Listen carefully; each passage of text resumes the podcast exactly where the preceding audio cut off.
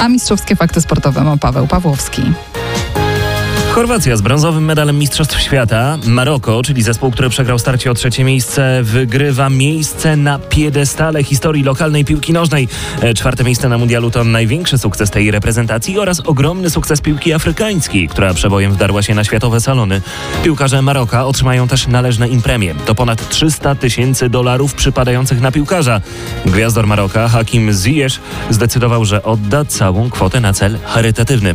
Jutro natomiast wielki finał Francja zagra z Argentyną. Początek tego meczu o 16.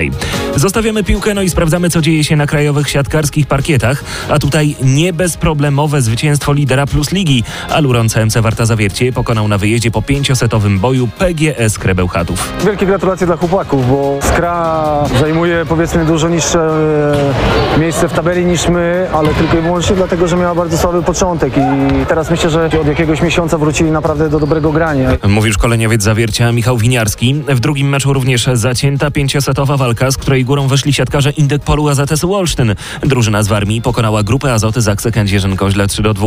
Natomiast w koszykarskiej Energa Basket Lidze sporo punktów rzuconych w Bydgoszczy.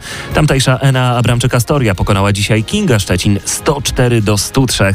W starciu Śląska Wrocław z Suzuki Arką Gdynia górą zespół z Dolnego Śląska, który wygrał ten mecz 87 do 80.